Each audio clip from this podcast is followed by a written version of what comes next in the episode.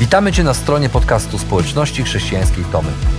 Mamy nadzieję, że rozważanie, które za chwilę usłyszysz, zainspiruje Cię do zrobienia kolejnego kroku w Twojej relacji z Bogiem. Bo w naszej społeczności zapraszamy wszystkich do relacji z Chrystusem, który zmienia wszystko. Dziękujemy za Twoje zainteresowanie i zapraszamy Cię do polubienia naszego profilu na Facebooku, Instagramie i YouTubie oraz ściągnięcia darmowej aplikacji na smartfona. Dobrego słuchania.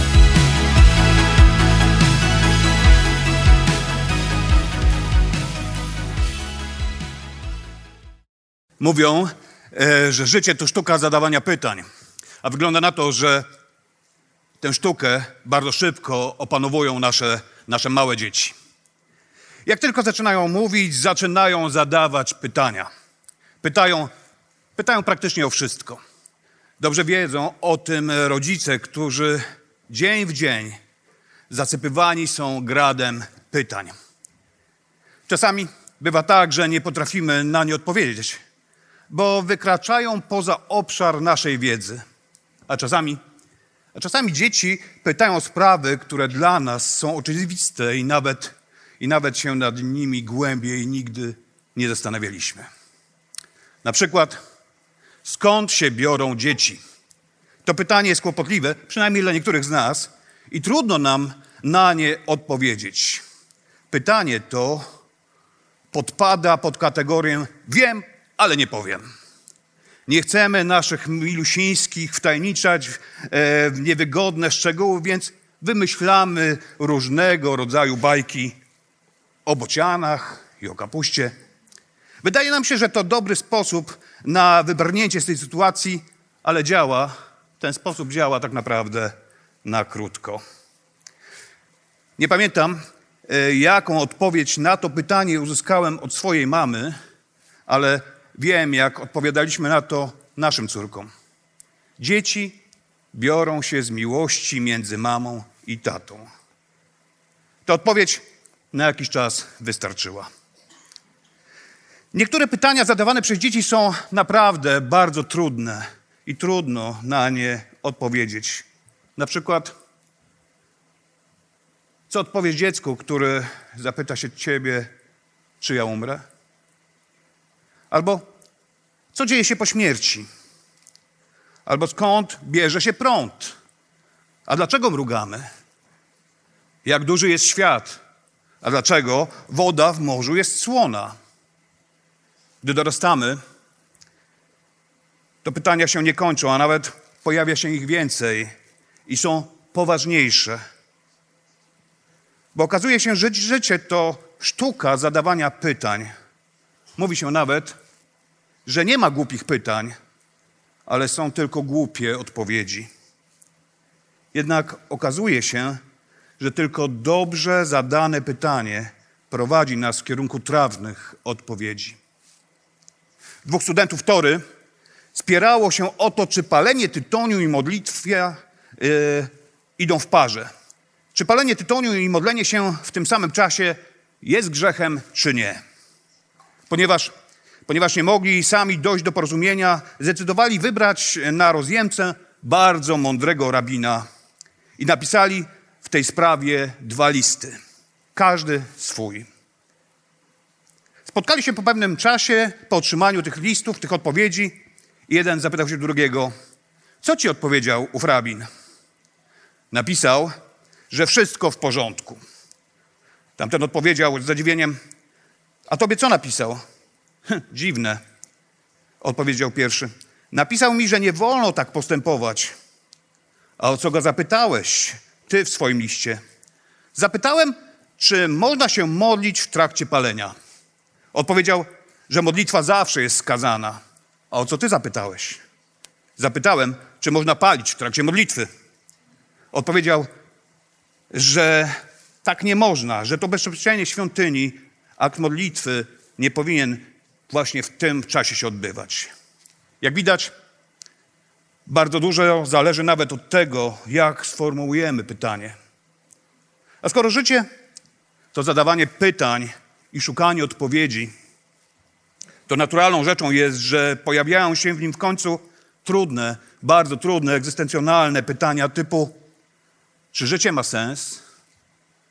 Gdzie i w czym szukać szczęścia.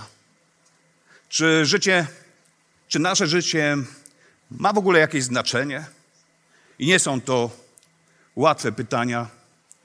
I czasami trudno znaleźć na nie satysfakcjonującą nas odpowiedź.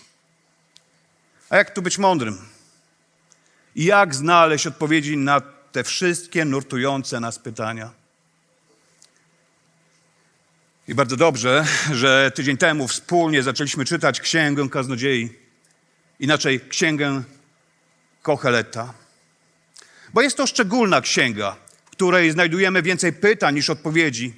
I chociaż nie daje nam ona prostych odpowiedzi, to w wyjątkowy sposób zachęca nas do spojrzenia z góry, jakby z lotu ptaka na nasze życie. Dla przypomnienia, po hebrajsku słowo kocholet oznacza kogoś, kto zgromadził ludzi. W tym przypadku celem zgromadzenia jest nauka. Często więc tłumaczy się to słowo jako kaznodzieja czy nauczyciel. Istnieją różne poglądy na temat tego, kim faktycznie mógł on być. Wielu uważa, że był to król Salomon. Inni sądzą, że był to inny król, który pochodził z rodu Dawida. A jeszcze inni uważają, że był to jakiś żydowski nauczyciel. A niezależnie od tego, który pogląd jest słuszny, najważniejsze jest, by pamiętać, że kaznodzieja jest postacią wstępującą w tej księdze, której nie należy utożsamiać z autorem. Ten pozostaje anonimowy. Autorem jest ktoś, kto chce, byśmy usłyszeli wszystko, co nauczyciel ma do powiedzenia, a później pomaga nam to przemyśleć, przeanalizować i wyciągnąć własne wnioski. Co więc do powiedzenia ma nasz nauczyciel dzisiaj?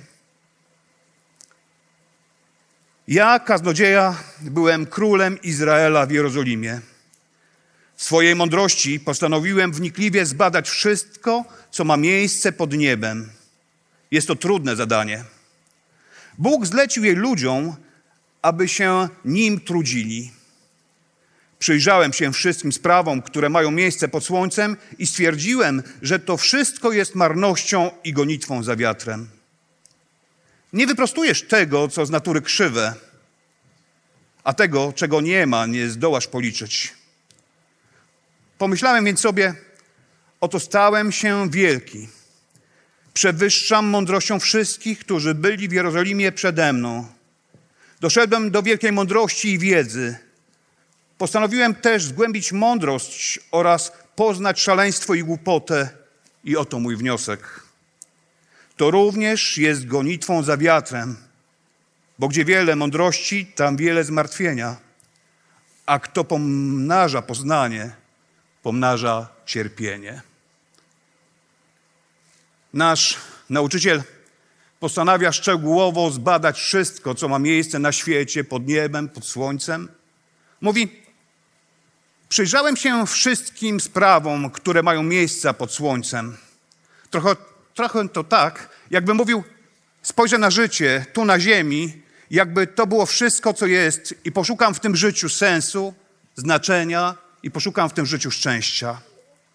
Być może być może, gdy to zbadam i zrozumiem wszystko, co nas otacza, jak ten świat funkcjonuje, to odkryję sens tego wszystkiego, a to da mi poczucie szczęścia i radości. Jego konkluzja jest jednak taka: to wszystko jest marnością i bez znaczenia. A więc nie ma w tym, nie ma w tym wszystkim sensu. Jest ulotne jak wiatr, którego nie da się złapać i zatrzymać. Bo nawet, bo nawet jeśli masz taką pozycję i mądrość jak on, to i tak nie pojmiesz i nie zrozumiesz w pełni sensu życia. Innymi słowy, nasz nauczyciel chce nam powiedzieć, że nie odnajdziemy sensu tam, gdzie go po prostu nie ma. A im bardziej próbujemy to życie na ziemi bez Boga ogarnąć i zrozumieć, tym odkrywamy więcej zmartwień i dodajemy sobie cierpienia, mówi kaznodzieja. Wygląda na to, że nie jest to dobry sposób na odnalezienie szczęśliwego i pełnego znaczenia życia. Nasz nauczyciel, pomimo tak mało optymistycznej konkluzji, nie poddaje się i postanawia szukać dalej. Jeśli nie w dokładnym zrozumieniu tego świata, to może poszukam gdzie indziej. Może poszukam w przyjemnościach. I dalej czytamy w drugim rozdziale od pierwszego wersetu. Następnie pomyślałem, dobrze, spróbuję przyjemności. Przekonam się, czym jest, czy jest coś warta. Ale i to okazało się marnością. Życie dla zabawy jest szaleństwem, a szukanie rozkoszy, cóż to daje? Próbowałem też dogodzić sobie winem. Oczywiście tak, by nie stracić nad sobą kontroli. Próbowałem przekonać się, jak to jest dać się ponieść szaleństwu i czy nie tkwi w tym coś dobrego na tyle, że warto by to polecić innym żyjącym pod słońcem, jak, jako, jako godne zajęcie na nieliczne dni życia, które mają się stać ich udziałem. Nasz nauczyciel, widać, nie odpuszcza i dalej szuka. Szuka, szuka, bo chce znaleźć coś, co zaspokoi nie tylko jego potrzeby fizyczne, ale również te głębokie, wewnętrzne potrzeby. Chce odnaleźć szczęście, które w końcu będzie trwałe. Tym razem zwraca się w stronę przyjemności. A w tej kwestii niewiele zmieniło się do dzisiaj, bo ludzie od wieków zatracają się w przyjemnościach, aby zagłuszyć tą wewnętrzną pustkę. Jednak okazuje się, że życie dla przyjemności jest jak pogoń za wiatrem. Spróbuj złapać wiatr choć na chwilę i zatrzymać na dłużej. Jest przez moment i może nawet przez moment daje przyjemne odczucie, ale za sekundę przelatuje dalej, nie zostawiając nic poza pustką, brakiem odpowiedzi, brakiem odpowiedzi na pytania o sens życia i w końcu kaca. Tę pustkę wielu ludzi na nowo bezskutecznie próbuje wypełniać albo alkoholem, albo seksem, albo zakupami. Ludzie w przyjemnościach szukają większego sensu dla swojego życia i liczą, że ten moment przyjemności może coś w ich życiu zmienić. Może wypełnić tą pustkę, którą wszyscy odczuwają. Jednak wniosek do jego do jakiego doszedł e, nasz nauczyciel, jest taki sam jak poprzednio. To wszystko jest marnością. Życie dla zabawy jest szaleństwem, a szukanie rozkoszy nic nie daje. No dobrze, ale nie ma się co poddawać. Jeśli nie w przyjemnościach, to może ten sens i szczęście znajdujemy w naszych dokonaniach. I dalej czytamy. Nadałem rozmach własnym dziełom. Pobudowałem sobie domy, zasadziłem winnice, założyłem ogrody i parki. Zasadziłem przeróżne drzewa owocowe. Urządziłem sobie stawy z wodą, aby z nich nawadniać lasy. Nabyłem sobie służących, kupiłem służące. Doczekałem się ich potomków urodzonych w domu. Stad bydła oraz owiec miałem więcej niż ci, którzy przede mną rządzili w Jerozolimie. Nagromadziłem sobie srebra, miałem dużo złota, naściągałem skarbów z królestw i prowincji. Zadbałem o śpiewaków, cieszyły mnie śpiewaczki i rozkosz synów ludzkich, kobiety i kochanki. Tak stałem się wielki. Osiągnąłem więcej niż wszyscy moi poprzednicy w Jerozolimie, a ponadto mogłem korzystać z mądrości. Czegokolwiek zapragnęły moje oczy, pozwalałem im oglądać to z bliska. Nie odmawiałem sobie najmniejszej radości. Tak, moje serce cieszyło się owocem całego mojego trudu. Na tym właśnie polegał mój udział w tym, że go podejmowałem. W końcu przyjrzałem się tym wszystkim moim dziełom, spojrzałem na to, czego dokonały moje ręce, oceniłem, ile kosztowało mnie to trudu i oto, do czego doszedłem. Wszystko to jest marnością i gonitwą za wiatrem. Nie niesie z sobą żadnego pożytku pod słońcem. Wszyscy znamy takich ludzi, którzy naprawdę wiele dokonali w życiu, ale pomimo swoich dokonań nie byli szczęśliwi. A jednym z nich był Michael Jackson. Był amerykańskim piosenkarzem, autorem tekstów i tancerzem, nazywanym przez wszystkich królem popu. Był jednym z najpopularniejszych artystów estradowych na świecie i jednym z najlepiej sprzedających się artystów muzycznych.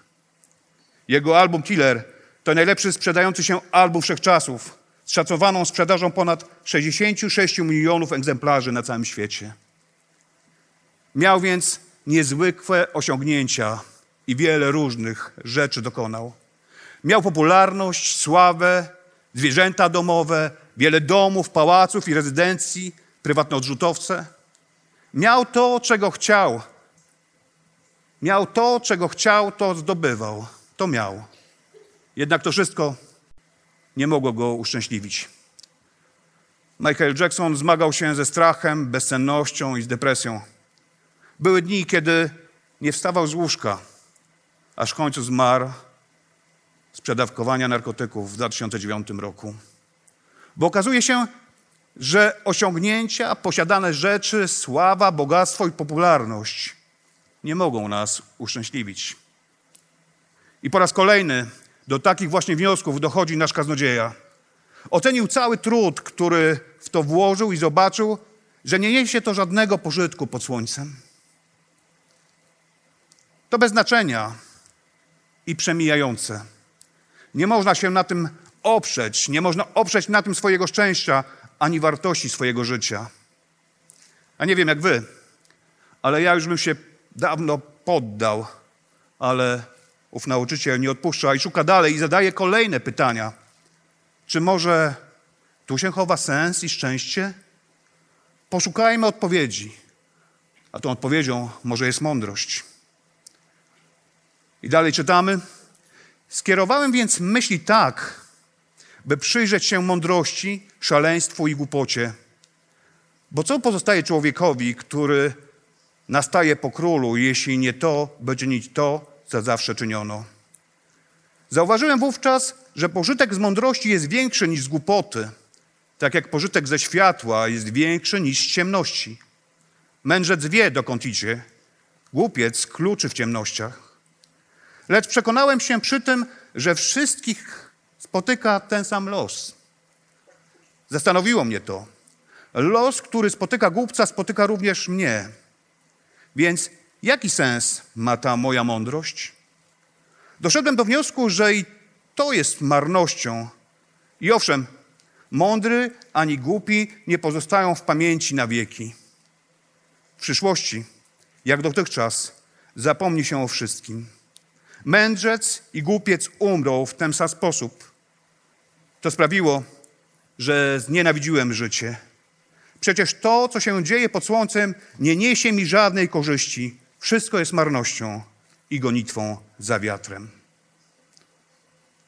Następna w kolejności jest mądrość. I jest to dziwne, że akurat ten autor swoich poszukiwań od mądrości nie rozpoczął. A więc bada, dokąd prowadzi życie mądrego. I pierwsze wnioski są obiecujące, bo przecież prawdą jest, że pożytek z mądrości jest większy niż z głupoty. Lecz okazuje się, że nie ma znaczenia, jaką drogą, drogę wybierzesz, skoro obie drogi, a nawet w tym wypadku każda droga prowadzi do tego samego celu. Wszyscy umrzemy, i mądry, i głupi, mówi kaznodzieja. Twoje życie kończy się i nikt nie będzie za sto lat o tobie pamiętał, ani o tym, czy byłeś mądry, czy byłeś głupi. Finał jest taki sam. I po raz kolejny, jak refren, jego wniosek brzmi: Przecież to, co się dzieje pod słońcem, nie niesie mi żadnej korzyści. To wszystko jest marnością i gonitwą za wiatrem. Okazuje się, że nie tylko on szukał w tym miejscu. Przez wszystkie wieki ludzie tworzyli różne filozofie. A filozofia to nic innego jak umiłowanie miło- mądrości. Filozofia to nic innego jak próba odnalezienia znaczenia ludzkiego życia bez odnoszenia się do Boga. Jednak Jakie znaczenie ma filozofia, ma mądrość, jeśli każdy kończy w tym samym miejscu? Kończysz tam, gdzie kończy głupi. Bo życie kończy się śmiercią nie ma znaczenia, ile wiesz. Co zgłębiłeś, jak byłeś mądry. Kończysz i nikt za jakiś czas o tobie nie będzie pamiętał. Czyli jeśli nie mądrość, jeśli nie przyjemności, a nawet wielkie dokonania, to co może nadać sens naszemu życiu? A tym samym dać nam poczucie szczęścia, poczucie spełnienia. Nie dając za wygraną i chcąc być rzetelnym i uczciwym w swoich poszukiwaniach, nasz nauczyciel szuka w jeszcze jednym miejscu. I chociaż już nieco zrezygnowany, to szuka w pracy. Wezbrała też we mnie niechęć do całego trudu, który podjąłem pod słońcem, przez to, że jego owoce będę musiał zostawić komuś, kto nastanie po mnie. A czy on będzie mądry? Czy on będzie głupi? Któż to wie?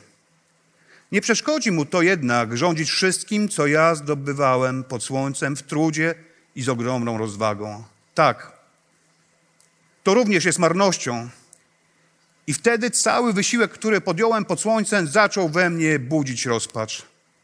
Bo przecież zdarza się i tak, że człowiek podejmuje trud przemyślany, poparty wiedzą i znawstwem, a musi swój udział w zyskach zostawić komuś, kto się wcale nie trudził. To również jest marnością. To niesprawiedliwe, bo cóż pozostaje człowiekowi z całego jego trudu, z porywów serca, z tego, co go pochłaniało pod słońcem, skoro wszystkie jego dni są cierpieniem, jego zajęcia zmartwieniem i nawet w nocy jego umysł nie zeznaje spokoju. To też jest marnością. Gdybyśmy w tej chwili wzięli długopis albo ołówek i zaczęli podkreślać słowa, które, słowa, które w tym fragmencie padają najczęściej, to byłoby to słowo słońce oraz marność. I samo to pokazuje nam, jakie jest główne przesłanie poszukiwań kaznodziei. Tak jak zrozumienie świata, przyjemności, wielkiego dokonania czy mądrość, tak i Twoja praca nie nadadzą Twojemu życiu sensu, ani nie sprawią, że będziesz szczęśliwy. Bo odchodząc, nie masz już nawet wpływu, co się stanie z tym, co zostawiasz. Kto to przejmie i co z tym zrobi. Dobrze ujął to John Grisham, który w książce pod tytułem Testament opisuje jej bohatera. Troj, pisze Grisham, miał wszystko, o czym mógł marzyć człowiek. Posiadał rozpociągi, elektrownie, plantacje kawy, kopalnie srebra i miedzi. Jego majątek szacowano na 11 miliardów dolarów. Dalej mówi: Miałem trzy rodziny, trzy były żony, które urodziły mi siedmioro dzieci, z których szóstka ciągle żyje i robi co w mojej mocy, by mnie dręczyć. Nie mam nic wspólnego ze swoją rodziną, poza tym, że moje żony i dzieci zbierają się dzisiaj, ponieważ umieram i nadszedł czas, by podzielić moje pieniądze. Jego historia, jego historia nie skończyła się dobrze. Troj postanowił umrzeć wcześniej niż powinien. Jego życie runęło w gruzach, a wszystko, co gromadził i na co pracował przez całe życie, stało się obiektem niekończących się walk jego żon, dzieci i całego zastępu prawników, których wynajęli. Bo okazuje się, że w tych poszukiwaniach brak odpowiedzi to również odpowiedź. Bo pokazuje, że w takim razie szukamy w niewłaściwych miejscach. Bo jeśli nasze życie tu na ziemi to wszystko, to wszystko, co mamy, a Boga nie ma, to nic nie ma sensu i znaczenia. Bo jeśli nasze życie tu na ziemi to wszystko, a Boga nie ma, to nic nie ma sensu i znaczenia. Wygląda na to, że wnikliwe dociekania, przyjemność, mądrość i praca to wszystko jest marnością i gonitwą za wiatrem, mówi kaznodzieja. A posłuchajmy naszego nauczyciela dalej. W ostatnich dwóch wersetach drugiego rozdziału napisane jest: Nie ma dla człowieka nic lepszego niż to, by się najeść i napić i korzystać z dóbr zdobytych własnym trudem. Zauważyłem, że to również pochodzi z ręki Boga, bo kto może jeść? Kto dogadzać sobie bez Jego przyzwolenia? To przecież Bóg daje człowiekowi, który jest mu miły, mądrość, poznanie i radość. A co z grzesznikiem? Bóg zajmuje go zbieraniem i gromadzeniem tego, co potem przekaże osobie jemu miłej. Cóż, to również jest marnością i gonitwą za wiatrem. Nauczyciel, kończąc swoje poszukiwania, zaczyna mówić o Bogu. I nagle wszystkie te rzeczy, o których mówi wcześniej, które były gonitwą za wiatrem i nie dawały szczęścia ani satysfakcji, nagle te rzeczy zaczynają cieszyć. Bo te wszystkie rzeczy, o których wcześniej mówił, że są marnością, stają się darem. Darem od Boga. Praca to dar, mądrość to dar, a również odczuwanie przyjemności to dar. Kiedy Bóg jest centrum, to nawet codzienne jedzenie, zwykłe codzienne jedzenie staje się darem. Kiedy Bóg jest centrum, to potrafimy cieszyć się z najbardziej zwykłych rzeczy i doceniać się, bo one pochodzą od Boga. Ciekawe jest to, że autor nie kończy na koniec wcale dając nam odpowiedzi. Gdzie ten sen jest w życiu? A wiemy, wiemy to, gdzie go nie ma. Wiemy, że ten sens związany jest jedynie z Bogiem, Stwórcą nieba i ziemi. A mądry kaznodzieja zrobił nam wielką przysługę. Odwalił za nas wielką robotę, bo wielu z nas, bo wielu z nas nie straciłoby życia i nie starczyłoby sił, żeby szukać w tych wszystkich miejscach, których on szukał i nie znalazł. A więc, a więc chociaż nie dostajemy, nie, nie dostajemy tu dokładnych odpowiedzi, to autor popycha nas do zadawania właściwych pytań, bo dobrze zadane pytanie doprowadza nas do dobrych odpowiedzi, do dobrych wniosków. Okazuje się, że jeśli potraktujesz życie jako dar od Boga, to nawet najmniejsze i najprostsze rzeczy mogą nas cieszyć i sprawiać nam radość. I czy nam się to podoba, czy nie, to wygląda na to, że wszystko w naszym życiu jest całkowicie poza naszą kontrolą. W końcu, pod koniec drugiego rozdziału, Kocholet mówi o darze od Boga, jakim jest radość, cieszenia się z drobnych rzeczy w naszym życiu, takich jak rodzina, smaczny posiłek czy słoneczny dzień. I chociaż nie mamy nad takimi rzeczami kontroli i nie są nam one zagwarantowane, ale tu właśnie kryje się ich piękno. Bo gdy, bo gdy przyjmujemy wobec Boga postawę całkowitej ufności, to daje On nam wolność do cieszenia się życia takim, jakiego doświadczamy, a nie takim, jakim naszym zdaniem powinno być.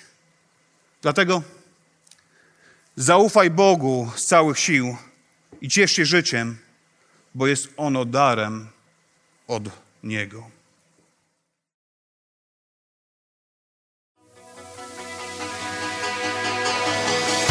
Jeszcze raz dziękujemy za wysłuchanie naszego rozważania. Jeżeli mieszkasz w okolicach Tomaszowa Mazowieckiego lub Łodzi, zapraszamy Cię do odwiedzenia nas na niedzielnym nabożeństwie. Więcej informacji znajdziesz na stronie schatomy.pl.